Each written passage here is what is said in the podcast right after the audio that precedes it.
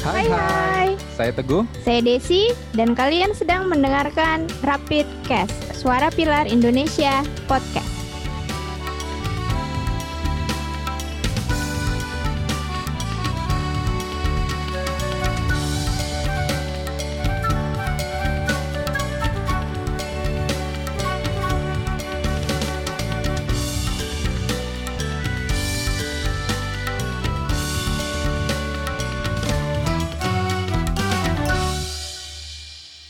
Oke, ini adalah episode yang kedua dari Rapid Cast dan senang banget kita sudah sampai di episode yang kedua. Ya. Nah, episode satu kita kemarin kita mulai pada tanggal 28 Oktober. Hari apa, Des? Hari Sumpah Pemuda. Yes, Hari Sumpah Pemuda itu jadi momen yang bagus sekali buat kita untuk memperkenalkan podcast kita dan supaya kita gampang ingat ulang tahunnya Iya. Rapid Cast tanggal 28 Oktober. Kalau pas Sumpah Pemuda berarti ulang tahun Rapid Cast gitu aja deh. Kita gampang ya. Nah, di episode kedua ini kita mau ngomongin apa, Des? Di episode yang kedua ini kita akan coba berbagi dan diskusi nih tentang mindset. Yes, mindset. Ngeri banget. Nah, Apaan tuh mindset? mindset itu kalau cari padanan kata dalam bahasa Indonesia apa ya? Cara berpikir gitu. Oke, cara berpikir sama kayak pola pikir ya berarti ya. Ya, Cara betul. pikir, pola pikir. Oke. Tapi untuk episode kita kali ini nih nggak akan kita bahas berdua aja. Iya dong, masa kita berdua terus? Berdua terus nggak Iya seru seru. kan? Akan Iya. ada tamu, akan ada guest yang akan bersama kita hari ini yang akan berdiskusi bersama, akan sharing tentang tema kita tentang mindset. Kita sudah kenal, kita sering bekerja bersama Mhm. dan kita langsung sambut aja deh. Halo, Kak Ika. Halo, apa kabar? Teguh dan. Baik. Saya manggilnya apa nih? Kak atau Bu nih? Aduh, bebas. Dipanggil Kak boleh, dipanggil Bu juga boleh. Oke, Oke, karena karena tamu spesial kita kali ini adalah seorang guru juga nih, ibu Bu, guru ya. nih, ibu Ibu guru. guru kan, ibu guru di sekolah Pilar tentunya. Gimana kalau kita panggilnya Bu Ika? Gimana? Nggak apa-apa ya? Boleh, boleh banget. Oke. Ibu Ika boleh memperkenalkan diri dulu nih. Mungkin pendengar kita belum kenal nih, Bu. Silakan Oke. Bu Ika memperkenalkan diri. Boleh, boleh. Halo semuanya, para pendengar Rapidcast. Nama saya Ika, nama lengkap saya Jessica Alexandra, tetapi akrab dipanggil Ika. Saya adalah seorang guru di Sekolah Pilar Indonesia dan untuk tahun ini saya mengajar di kelas 6 SD. Oke, baik di level primary ya, Bu ya. Ya, betul sekali. Oke. Dan hari ini kita akan bersama-sama dengan Ibu Ika untuk mencoba berdiskusi tentang Iya. apa itu mindset ya. Nanti juga ada beberapa hal tentang mindset yang bisa kita diskusikan bersama. Mhm, Tentu. Oke, oke. Saya tanya ke Desi, Bu, apa Iya. itu mindset? Betul. Desi bilang cara pikir atau pola pikir. Benar Iya. nggak, Bu? Betul, betul sekali. Mungkin sebetulnya Ibu Ika sama Desi baca buku yang sama nih gitu ya. Aku kan memang suka baca ya, jadi itu salah satu hobi aku. Dan aku membaca buku karangan Ibu Carol Dweck begitu. Cuma buat di awal nih mungkin supaya eh, teman-teman pendengar juga mengerti apa sih sebetulnya itu mindset. Yang tadi Desi bilang itu betul, Gu. Mindset itu adalah cara berpikir, pola berpikir, apa yang kita percayai gitu ya di pikiran kita yang itu mempengaruhi perilaku atau sikap kita dalam keseharian begitu. Oke, tadi dari bukunya siapa, Bu?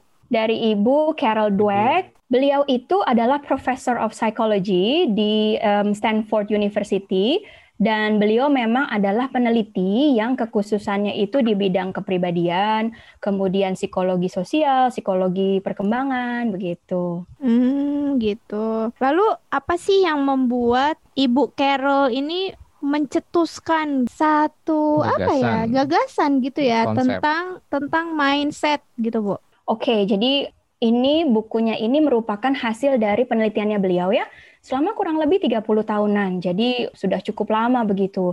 Dan bukunya sendiri itu terbit tahun 2006. Jadi bukan bukan buku yang baru baru-baru saja begitu ya terbit, tapi sudah cukup lama nih dari 2006.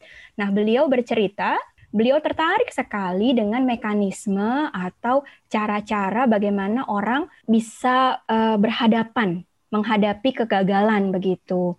Nah, di salah satu studinya beliau, beliau eh, mengadakan semacam tes begitu. Beliau mengundang beberapa siswa sekolah dasar dan diberikan tantangan berupa puzzle. Nah, dari puzzle yang diberikan makin lama makin sulit, makin lama makin sulit, dia mendapatkan berbagai reaksi begitu. Ada anak-anak yang ketika gagal tidak bisa memecahkan puzzle tersebut, dia sedih.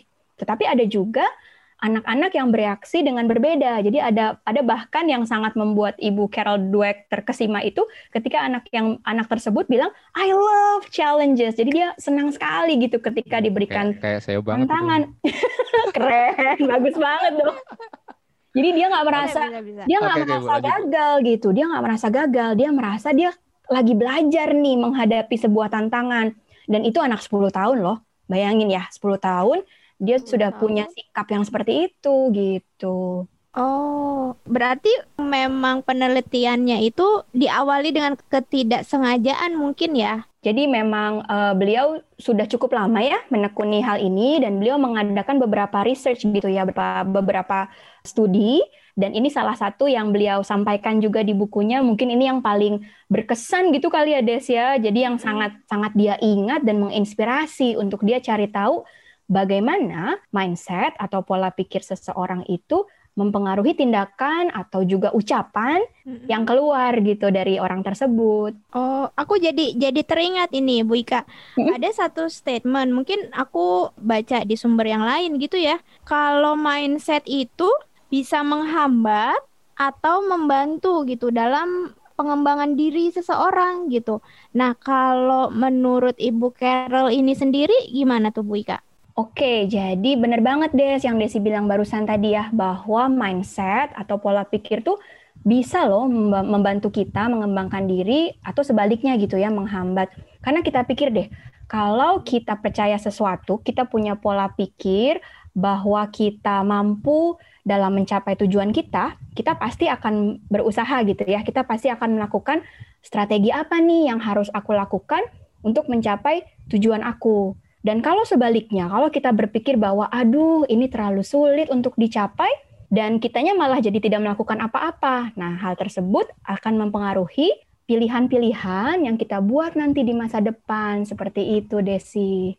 Nah, tadi tuh barusan Bu Ika sebutin ada kata strategi gitu ya untuk hmm? meraih atau mencapai tujuan kita nih dalam bayanganku mindset atau pola pikir itu kan sepertinya sesuatu yang kita dapat dari dari dari sananya gitu sudah ada dalam diri kita gitu kan berarti kalau ada faktor strategi nih Bu Ika bisa nggak sih mindset itu dirubah gitu Oke, jadi aku jawab berdasarkan uh, yang disampaikan oleh Ibu Carol Dweck ya. Jadi memang kita itu sebetulnya bisa mengubah cara berpikir kita. Dan di dalam penelitiannya beliau, dari studinya tersebut yang mungkin sudah sekitar 30 tahun ya researchnya beliau, itu beliau menemukan ada pandangan ya, ada pandangan yang berbeda nih, ada mindset, ada pola pikir yang berbeda di dalam diri manusia begitu. Ada yang beliau istilahkan sebagai fixed mindset dan yang satunya lagi adalah growth mindset nih Des. Dan itu akan mempengaruhi nih nanti bagaimana kita berusaha, bagaimana kita mengambil pilihan-pilihan di dalam kehidupan kita. Keren banget sih itu pembahasannya maksudnya mindset. Saya jadi kepikiran sama hidup saya nih. Kayak mindset saya dulu tuh nggak seperti ini. Maksudnya ketika saya dengerin bahwa mindset itu bisa apa ya mempengaruhi usaha kita, mempengaruhi cara kita untuk berusaha untuk mencapai sesuatu kayaknya kemarin-kemarin saya telat deh dengerin ini ya. dengerin soal mindset itu kayaknya telat banget. Jadi iya. hari ini uh, bersyukur sekali ya kita semua dapat informasi tentang mindset ini dan tadi Bu Ika ngomongin soal ini dari Ibu Carol Dweck soal mindset. Mm -hmm. Kemudian di situ ada growth mindset sama fixed mindset. Kalau aku lihat nih, fixed mindset itu berarti cara pikirnya tuh sudah fix, uh -uh. sudah tidak bisa dirubah. Sedangkan kalau growth mindset itu berarti ada yang bisa berkembang nih. Kalau bayangan saya kayak gitu sih. Apakah Bu Carol Dweck setuju uh dengan saya atau enggak nih Bu? iya, Bu Carol, Ibu Carol Dweck yang setuju atau kamu yang setuju nih sama Ibu Carol Dweck? saya setuju atau Oke, jadi betul ya. Jadi dari kata fix dan growth itu sebetulnya sudah memberikan arti gitu ya, sudah memberikan maknanya sendiri. Jadi memang fix mindset itu adalah pola pikir yang percaya bahwa kecerdasan, bakat itu tuh sifatnya tetap atau statis gitu ya. Beda banget dengan growth mindset. Ada kata growth di situ. Jadi ada pertumbuhan, ada perkembangan ya. Jadi growth mindset sendiri adalah pola pikir yang percaya bahwa kemampuan dasar seseorang itu sebetulnya bisa dikembangkan. Dengan apa nih? Dengan effort, dengan usaha, dengan membangun strategi, dan tentunya juga dengan bantuan nih dari orang lain, dari orang-orang di sekitar gitu. Jadi orientasinya itu pada pertumbuhan. Jadi kalau kita bayangkan ya, aku suka menganalogikan begini. Kalau growth mindset itu seperti kita melihat karet ya. Hmm. Karet itu kan lentur ya. Iya. Dia elastis. Jadi bisa kita kita tarik, dia stretch begitu. Nah, di researchnya Ibu Carol Dweck itu beliau menemukan bahwa otak kita itu juga bisa berkembang dan ini secara ilmiah beliau meneliti bahwa ketika seseorang berpikir, belajar, menghadapi kesulitan, menghadapi kegagalan, itu tuh otak kita membuat koneksi-koneksi baru begitu. Jadi syaraf kita itu berkembang. Nah, itulah yang semakin menguatkan researchnya beliau ini seperti itu. Oke, sedikit dapat gambaran ya tentang fixed mindset sama growth, growth mindset, ya. mindset ya. Bahwa growth mindset itu artinya bahwa kita bisa mengembangkan di berbagai macam hal. Uh, bisa juga karena pengaruh lingkungan juga nggak sih Bu? Kalau misalnya kita kan lingkungan pendidikan nih, pendidikan yang diberikan baik dari orang tua, dari sekolah atau dari lingkungan di sekitarnya, kayak misalnya pembelajaran, misalnya menghadapi konflik dengan teman, menghadapi masalah dengan sebayanya atau bagaimana itu bisa membangun mindset seseorang juga ya?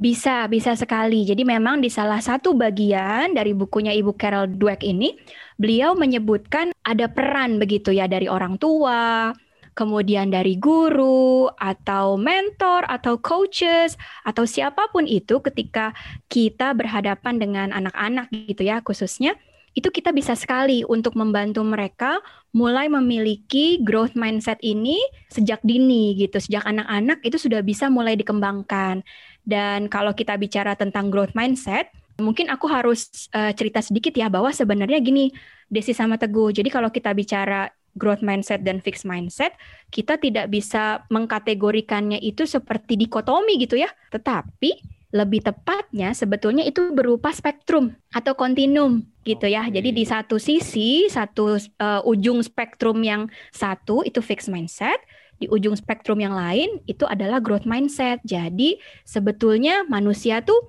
ada di di situ gitu di spektrum atau di kontinum tersebut. Mungkin kita tidak selamanya ada di growth mindset, tidak selamanya ada di fixed mindset, tetapi dalam perjalanan kehidupan diharapkan gitu ya, kita bisa lebih sering ke arah spektrum yang growth mindset.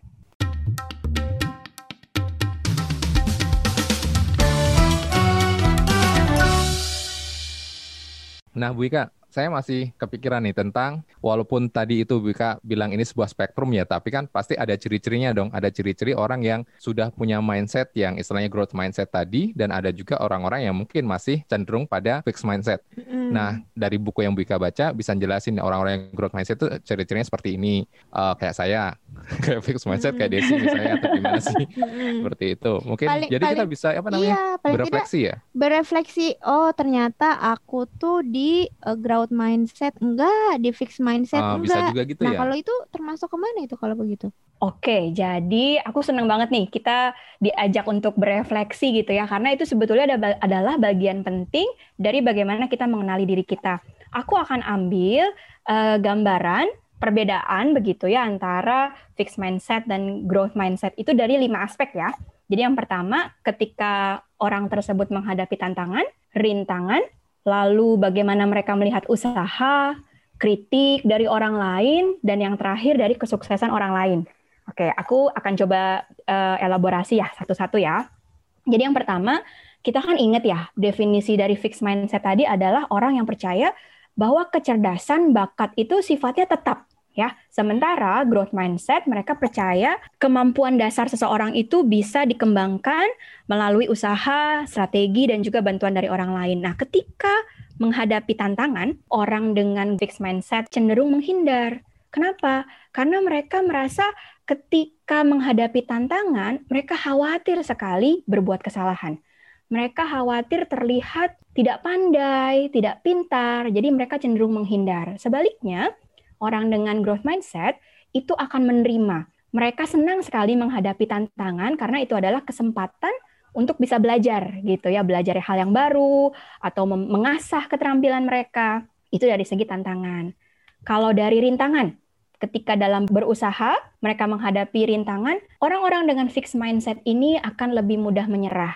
Ya, sementara orang dengan growth mindset akan lebih bisa bertahan. Mereka bisa stretch begitu, seperti yang tadi aku cerita ya, karet, elastis.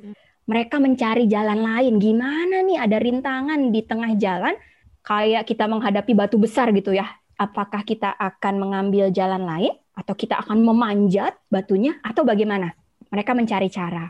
Lalu yang ketiga, ketika uh, mereka memaknai apa itu usaha. Nah, karena orang-orang fixed mindset itu mereka melihatnya bahwa kecerdasan atau bakat itu tetap, mereka cenderung tidak mau berusaha lebih. Sementara orang-orang yang sudah cenderung punya growth mindset begitu mereka melihat bahwa oh usaha itu adalah jalan menuju sesuatu yang lebih baik, sesuatu yang lebih baik. Jadi selalu ada ruang untuk perkembangan, untuk improvement begitu. Uh, dua yang terakhir, kritik ya. Fix mindset melihat kritik itu apa ya, sesuatu yang membuat sakit hati, sedih. Jadi mereka cenderung mengabaikan nih feedback atau kritikan yang masuk, saran yang masuk. Sementara orang dengan growth mindset itu mereka belajar nih dari kritik, dari saran dari orang lain ketika mendengar kritikan gitu kadang kan kita suka ada yang ketika dikritik hal kecil aja gitu kan misalnya dari penampilan itu kadang ada yang langsung merasa down, down yeah. upset mm-hmm. kayaknya tuh me- mempengaruhi mood Moodnya. satu hari itu gitu kan nah itu apakah orang tersebut cenderung fix mindset terhadap kritikan atau gimana bu? Oke. Okay. Siapa Saya sih Oke, okay. um, jadi memang kalau kritik atau saran dari orang lain itu kan bukan sesuatu yang bisa kita kontrol ya, bukan sesuatu yang bisa kita yeah. kendalikan, betul. Tapi sebetulnya yang bisa kita kendalikan adalah bagaimana kita berespon. Oke, okay? jadi bagaimana kita menanggapi hal tersebut. Nah, kalau kita bicara tentang feelings, perasaan seseorang, tentu saja itu tidak bisa dipungkiri ya, ada kekecewaan, kesedihan ketika kita mendapatkan kritik. Tapi sebetulnya yang paling penting adalah langkah sesudahnya nih Desi. Desi hmm. pernah main bekel nggak? Pernah. Oke, okay. kalau bola bekel itu kita lempar ke bawah, apa yang terjadi? Memantul ke atas. Nah, itu dia poinnya. Bagaimana bola bekelnya bisa memantul ke atas lagi. Nah, hmm kalau kita kecenderungannya fix mindset, itu mungkin kita akan down terus saja di bawah, tidak memantul begitu. Tetapi kalau kita cenderung growth mindset, kita akan berpikir, oke, okay, kritikan ini membuat aku sedih. Itu itu perlu ya kita mengaknowledge perasaan kita yang sedih, yang kecewa, tapi tidak berhenti di situ. Selanjutnya harus apa nih? Bagaimana aku bisa bounce back, bisa memantul kembali dan kemudian menata langkah-langkah apa nih yang akan aku ambil selanjutnya begitu kurang lebih des. Hmm. Nah kalau untuk yang terakhir bu, ketika kita melihat kesuksesan orang lain, nah kalau yang growth mindset itu menanggapinya gimana? Kalau yang fixed mindset itu gimana? Oke, ketika berhadapan dengan kesuksesan orang lain ya, jadi misalnya kalau kita melihat teman kita atau rekan kerja kita, dia sukses, uh, kecenderungan fixed mindset itu melihatnya menganggap orang tersebut sebagai ancaman nih. Karena dia merasa bahwa kecerdasannya dia, bakatnya dia, kepintarannya dia itu jadi terancam dengan kesuksesan dari orang lain. Sementara growth mindset akan melihat bahwa oh ternyata kesuksesan orang lain bisa loh jadi pelajaran, bisa banget loh jadi inspirasi untuk diri aku sendiri untuk semakin berkembang gitu. Jadi kelihatan ya bedanya nih gimana fixed mindset, gimana growth mindset.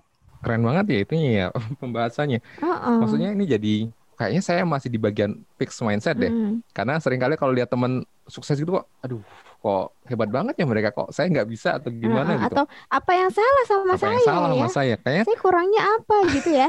ya, ya begitu. Maksudnya ketika kritik pun juga sesekali oke okay lah kita bisa menerima kritik tapi sesekali juga saya udah usaha banyak nih, saya sudah melakukan Mm-mm. ini itu dan sebagainya, tapi tetap aja dikritik dan itu sering kali bikin kita jadi sedih lah, jadi upset tadi, jadi down dan sebagainya. Mm-mm. Tapi kalau melihat dari apa yang Bu Ika tadi sampaikan ya, itu kayak jadi pola pikir orang yang luar biasa banget ya ketika ngomongin soal growth mindset.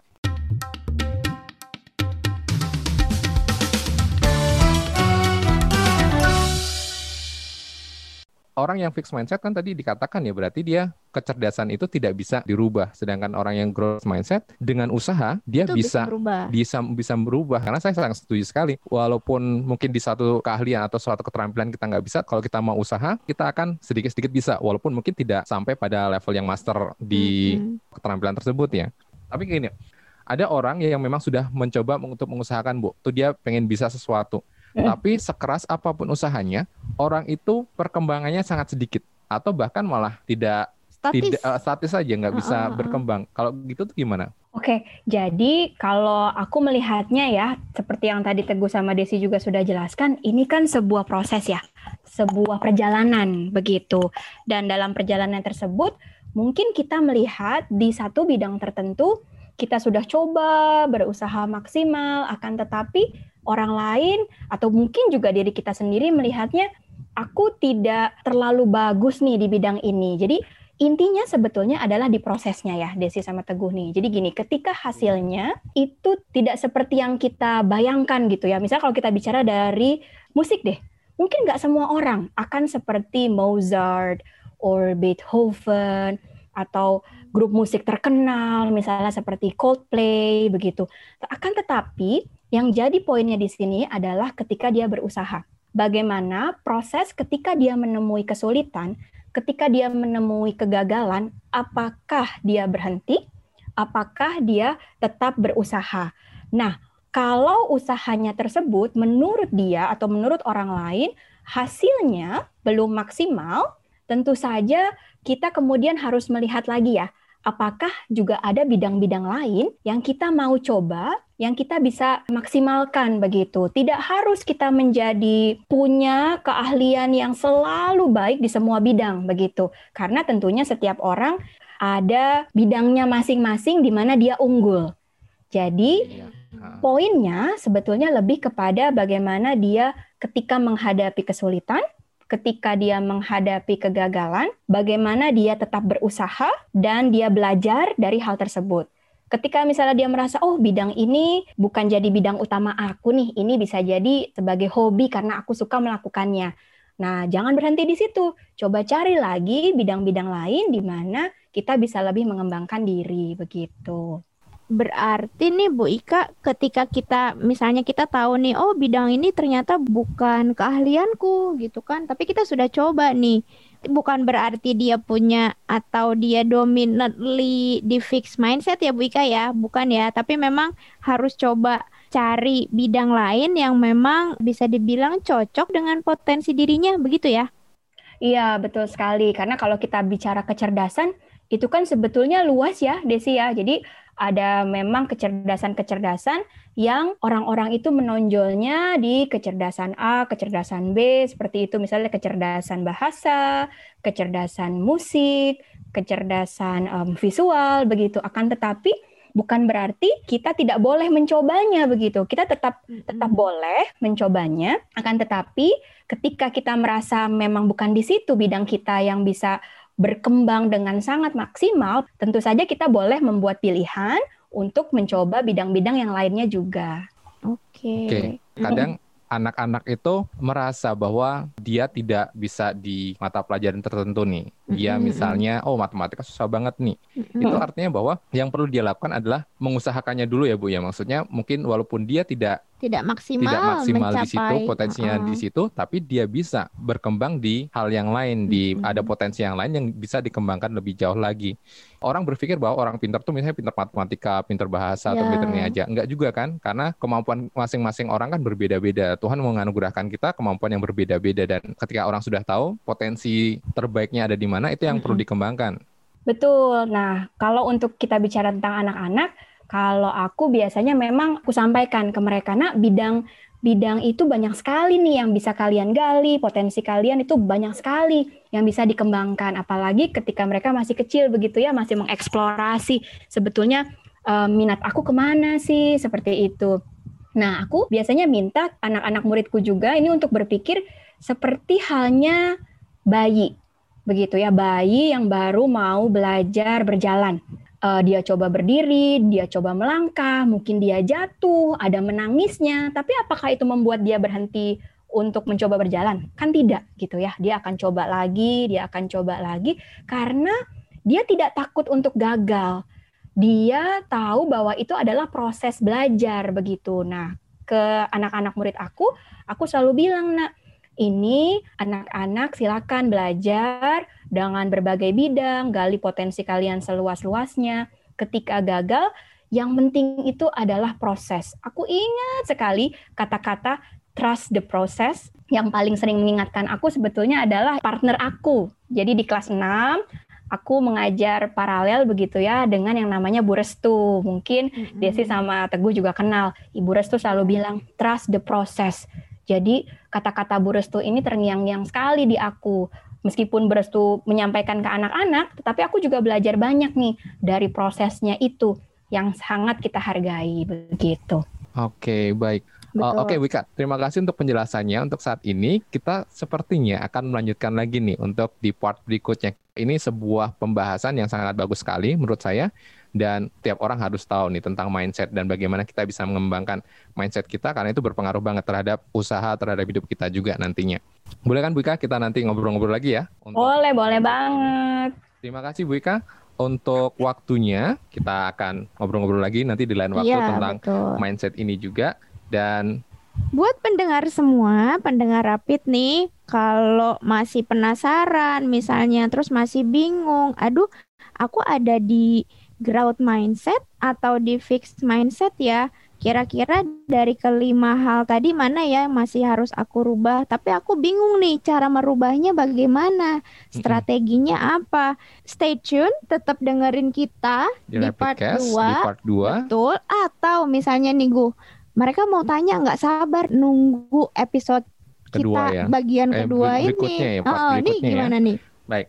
Jika kalian punya pertanyaan, seperti biasa, silahkan langsung saja menuju di Instagram kita, di IG kita, di @rapid.cast. Silahkan bertanya, silahkan memberikan masukan, memberikan saran, atau mungkin bisa berbagi pengalaman juga. Di pertemuan berikutnya, pertemuan kayak sekolah ya. aja ya, pertemuan ya. Oh, oh, jadi di pembahasan kita part 2 nih, masih di episode 2 ya, mm -hmm. itu nanti kita akan diskusikan contoh nyata.